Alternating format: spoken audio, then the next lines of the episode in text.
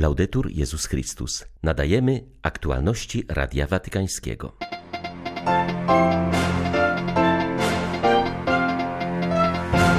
Papież przynagla kościoły wschodnie do ustalenia wspólnej daty Wielkanocy. Kościół katolicki jest gotowy na wszystkie propozycje, powiedział Franciszek na audiencji dla asyryjskiego patriarchy.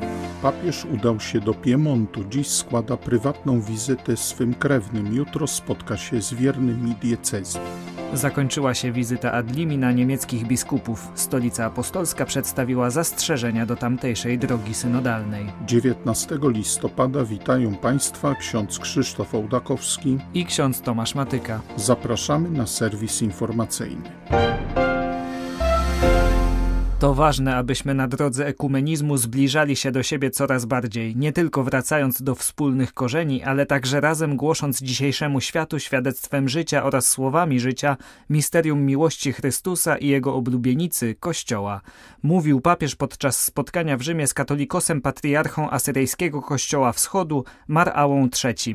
Niestety Bliski Wschód jest dalej zraniony z racji ogromnej przemocy, niestabilności czy niepewności, a liczni nasi bracia i siostry w wierze musieli opuścić swoje ziemię. Wielu walczy, aby tam pozostać i chce odnowić razem z waszą świątobliwością apel o ochronę ich praw, zwłaszcza tych dotyczących wolności religijnej oraz pełnego obywatelstwa, zaznaczył papież. Podkreślając wagę ekumenizmu, Franciszek odniósł się także do dążenia do głęboko oczekiwanej w kościołach jedności, pozwalającej celebrować razem najważniejsze tajemnice naszej wiary.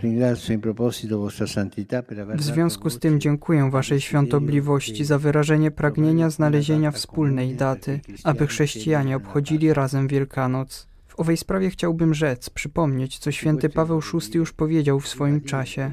Jesteśmy gotowi zaakceptować jakąkolwiek propozycję, która zostałaby uzgodniona wspólnie.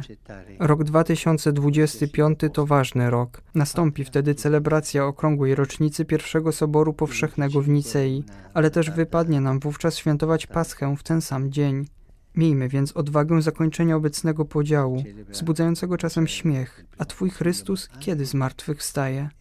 Znakiem, który powinniśmy czynić jest jeden Chrystus dla nas wszystkich. Odważmy się i poszukajmy razem. Ja pozostaję gotowy, nie tylko ja, ale Kościół katolicki pozostaje gotowy, aby pójść za tym, co powiedział święty Paweł VI. Znajdźcie porozumienie, a my podążymy tam, gdzie wskażecie. Odważę się także wyrazić pewne marzenie żeby oddzielenie od umiłowanego asyryjskiego kościoła wschodu, pierwszy trwały podział w historii wspólnoty wiernych, mogło być, jak Bóg da, pierwszym podziałem, który zostanie rozwiązany. Polecajmy naszą drogę wstawiennictwu męczenników i świętych, by oni, już zjednoczeni w niebie, wspierali naszą pielgrzymkę na ziemi.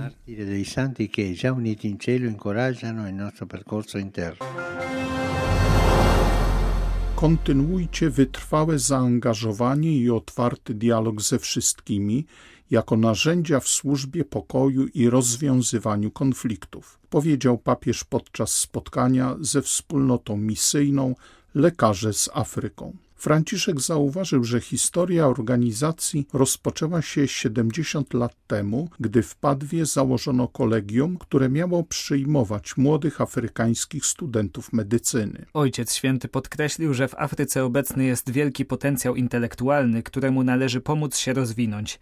Następnie dodał, że ten kontynent nie powinien być wykorzystywany, ale promowany. Podejmujecie starania, aby nie zabrakło chleba powszedniego dla tak wielu braci i sióstr, którzy dziś w XXI wieku nie mają dostępu do normalnej, podstawowej opieki zdrowotnej. To haniebne. Ludzkość nie jest w stanie rozwiązać tego problemu, ale jest w stanie rozwijać przemysł zbrojeniowy, który niszczy wszystko. Dzisiaj wydaje się miliardy na broń, albo też inne ogromne zasoby są marnowane w ulotnym i zabawowym przemyśle, na przykład w przemyśle makijażu. Kiedy modlimy się, chleba naszego powszedniego daj nam dzisiaj, powinniśmy się dobrze zastanowić nad tym, co mówimy, ponieważ tak wielu, zbyt wielu mężczyzn i kobiet z tego chleba otrzymuje jedynie okruchy, albo nawet tego są pozbawieni tylko dlatego, że urodzili się w pewnych miejscach na świecie. Myślę o tylu matkach, które nie mogą bezpiecznie urodzić i czasem tracą życie, albo o tylu dzieciach, które umierają we wczesnym dzieciństwie.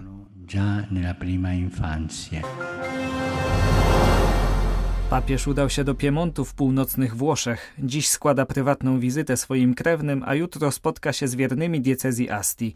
Jego rodzina ze strony ojca pochodzi z tego regionu, choć sam Franciszek urodził się i wychował w Argentynie. Dwie kuzynki wraz ze swoimi rodzinami przyjęły dzisiaj papieża we własnych domach. Obecnością Franciszka cieszą się także mieszkańcy regionu, którzy będą mieli okazję odbyć z nim spotkanie jutro w trakcie wspólnej mszy. Jak podkreśla biskup Prastaro, odczuwają oni więź z papieżem ze względu na jego pochodzenie. Ludzie są bardzo dumni z tego, że papież Bergoglio pochodzi z naszej miejscowości. Dzień po jego wyborze wszyscy w Asti mówili i ostatecznie jest jednym z nas, który został papieżem. Teraz Ojciec Święty wrócił i to w celu odwiedzenia kilku bardzo konkretnych osób z historii swojej rodziny. Świadomość tego jest duża, a miasto chętnie przyjęło fakt, że chodzi tu o wizytę wizytę prywatną, czyli że papież nie przyjechał tu, aby wygłaszać przemówienia do miasta, ale by spotkać się z krewnymi. Wszyscy jesteśmy z tego dumni. Franciszek przybywa na swoją ziemię, do swojej rodziny, a potem w niedzielę zobaczy się z większą rodziną kościoła w Asti. Jest to więc spotkanie z dwoma rodzinami, rodziną krwi i rodziną wiary. Stolica Apostolska i Episkopat Niemiec wydali wspólny komunikat prasowy. Po wczorajszym spotkaniu szefów niektórych watykańskich dykasterii z niemieckimi biskupami w sprawie tzw. Tak drogi synodalnej w tym kraju. Najbliżsi współpracownicy papieża Franciszka dali wyraz obawom, jakie budzi ta inicjatywa. Spotkanie moderował watykański sekretarz stanu. Kardynał Pietro Parolin podkreślił znaczenie więzów jedności między biskupami i następcą świętego Piotra. Mówiąc o obawach, które budzi niemiecka droga synodalna, wskazał innymi na niebezpieczeństwo reformowania Kościoła poza Kościołem. W sposób szczególny kościelne zastrzeżenia do inicjatywy niemieckich katolików przedstawili prefekt dykasterii nauki wiary kardynał Louis Ladaria oraz prefekt dykasterii do spraw biskupów kardynał Marc Ouellet. Jak czytamy w komunikacie, szczerze i jasno mówili o obawach i zastrzeżeniach dotyczących metodologii, treści i propozycji drogi synodalnej.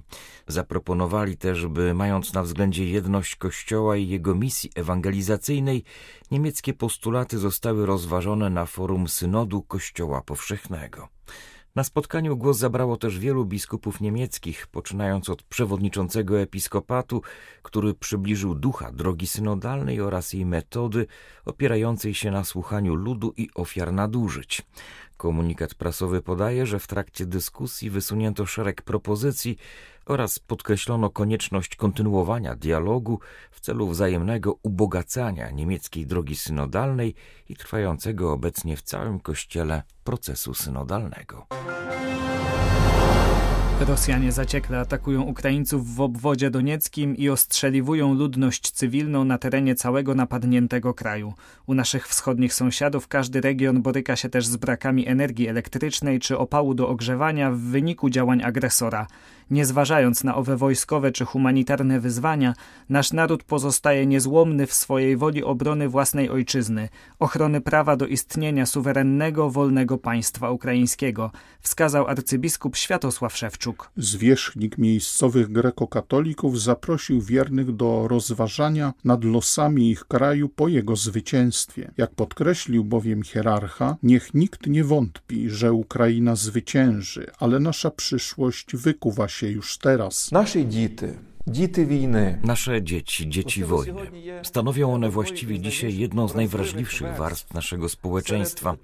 Pośród milionów uchodźców, pośród milionów wewnętrznych migrantów, prawie połowa, jeśli nie większość, to dzieci. Dzieci w różnym wieku. Jak możemy zadbać o odpowiednie wychowanie oraz edukację tych z nich, które znalazły się w obcym kraju, w obcojęzycznym środowisku, a także spotykają nieznany im system szkolnej oświaty? Jak możemy zadbać o edukację oraz wychowanie naszych dzieci? To pytanie nie może nie dręczyć Kościoła, bo Kościół jest matką i nauczycielką narodu. Zawsze tam, gdzie zbierają się nasze wspólnoty, nasze parafie, przy Kościele wyrasta ukraińska szkoła. Być nauczycielem podczas wojny stanowi szczególne powołanie, kiedy uczniowie na pierwszym miejscu zadają pytanie, a gdzie znajduje się najbliższy schron przeciwbombowy? To wyjątkowe być nauczycielem, być pierwszym nauczycielem dla dzieci wojny, słyszących od czasu do czasu odgłos ataków rakietowych i spadających bomb. Dzisiaj postać nauczyciela na Ukrainie to postać bohatera, w którego rękach leżą losy przyszłości naszego narodu. Naszego narodu. Wspominając swoją niedawną wizytę u papieża Franciszka, biskup Jan Sobiło zauważył przez okno ustawianą na placu świętego Piotra choinkę. W rozmowie z Radiem Watykańskim powiedział, że pomyślał wtedy o świętach Bożego Narodzenia w strefie przyfrontowej na wschodzie Ukrainy i zadał sobie pytanie, czy będzie możliwe postawienie chociażby małych choinek w okopach żołnierzy broniących kraju przed agresorem. Biskup pomocniczy charkowsko-zaporowski podzielił się refleksją na temat ostatnich skutków zmasowanych bombardowań oraz rolą, jaką stara się pełnić Kościół wobec udręczonej ludności. Te takie bombardowania, one zniecają jeszcze coraz to większą nienawiść, bo nawet ci, którzy ocaleli, ludzie są już bardzo zmęczeni tymi ostrzałami, że nocą się nie da spać, bo śpisz sobie w domu i nie wiesz, rakieta, pocisk uderzy w twój dom, czy nie, czy niektórzy nie są w stanie za każdym razem, jak włącza się alarm bombowy, uciekać do schronu czy do piwnicy, dlatego żyją w stresie i każdy każde takie bombardowanie wyzywa jeszcze coraz to większą nienawiść, bo już ludzie mówią, kiedy się to wszystko wreszcie skończy, kiedy ja się mogę wyspać, czego nie mogą nam dać spokoju, przecież my nie jesteśmy żołnierzami, dlaczego nas bombardują, a więc niechęć wzrasta i to ostatnie bombardowanie jeszcze raz pokazało, że spokoju na razie nie będzie, że trzeba jak najszybciej pokonać wroga. Jeżeli go nie pokonamy, takie uciemiężenie i takie życie w niepewności i strachu będzie w dalszym ciągu i dlatego też e, ta zima będzie u nas jeszcze taka niespokojna. Kościół jest najbliżej, jak tylko można sobie wyobrazić człowieka, dlatego że mamy świadomość, że jak zginiemy, to razem, jak się uratujemy, to też razem. W tej wojnie nikt w pojedynkę uratować się nie może. I dlatego też i miłość do Kościoła jest wielka. Widzą, że niesie Boga i wszelaką pomoc wszystkim a więc oni się poczuli też dziećmi Kościoła. Francja ubożeje. Pandemia, inflacja i kryzys energetyczny najbardziej uderzają w tych, którzy już wcześniej znajdowali się w najgorszym położeniu. Wynika z dorocznego raportu o ubóstwie przygotowanego przez Caritas Francja. Okazuje się, że przeciętna osoba korzystająca z pomocy tej kościelnej organizacji ma na życie 548 euro miesięcznie. To połowa kwoty, którą uważa się w tym kraju za próg ubóstwa. Rozmawiając z Radiem Watykańskim, dyrektor francuskiej Caritas zauważa, że część ubogich pozostaje niewidoczna dla państwowego systemu opieki społecznej. Mówi Veronique Devise. W ciągu roku udzielamy pomocy milionowi ubogich. Spośród tego miliona połowę stanowią dzieci. 80% z naszych podopiecznych znajduje się poniżej progu ubóstwa, które we Francji to 1100 euro na miesiąc, czyli 60% średniego wynagrodzenia. Natomiast 70% ludzi, którzy proszą nas o pomoc, żyje poniżej progu skrajnego ubóstwa, czyli poniżej 750 euro na miesiąc. Jedna trzecia naszych podopiecznych nie ma stałego miejsca zamieszkania, czyli żyją u rodziny, przyjaciół lub na ulicy. Jest to zatem grupa społeczna, której sytuacja jest bardzo niestabilna. Inny ważny wskaźnik to fakt, że 47% ludzi, którym pomagamy, to migranci. Jedna trzecia z nich przebywa we Francji nielegalnie, tyleż samo zabiega o legalizację swojego pobytu. Pokazuje to, że migracja jest czynnikiem generującym ubóstwo w naszym społeczeństwie. Były to aktualności Radia Watykańskiego. Laudetur Jezus Chrystus.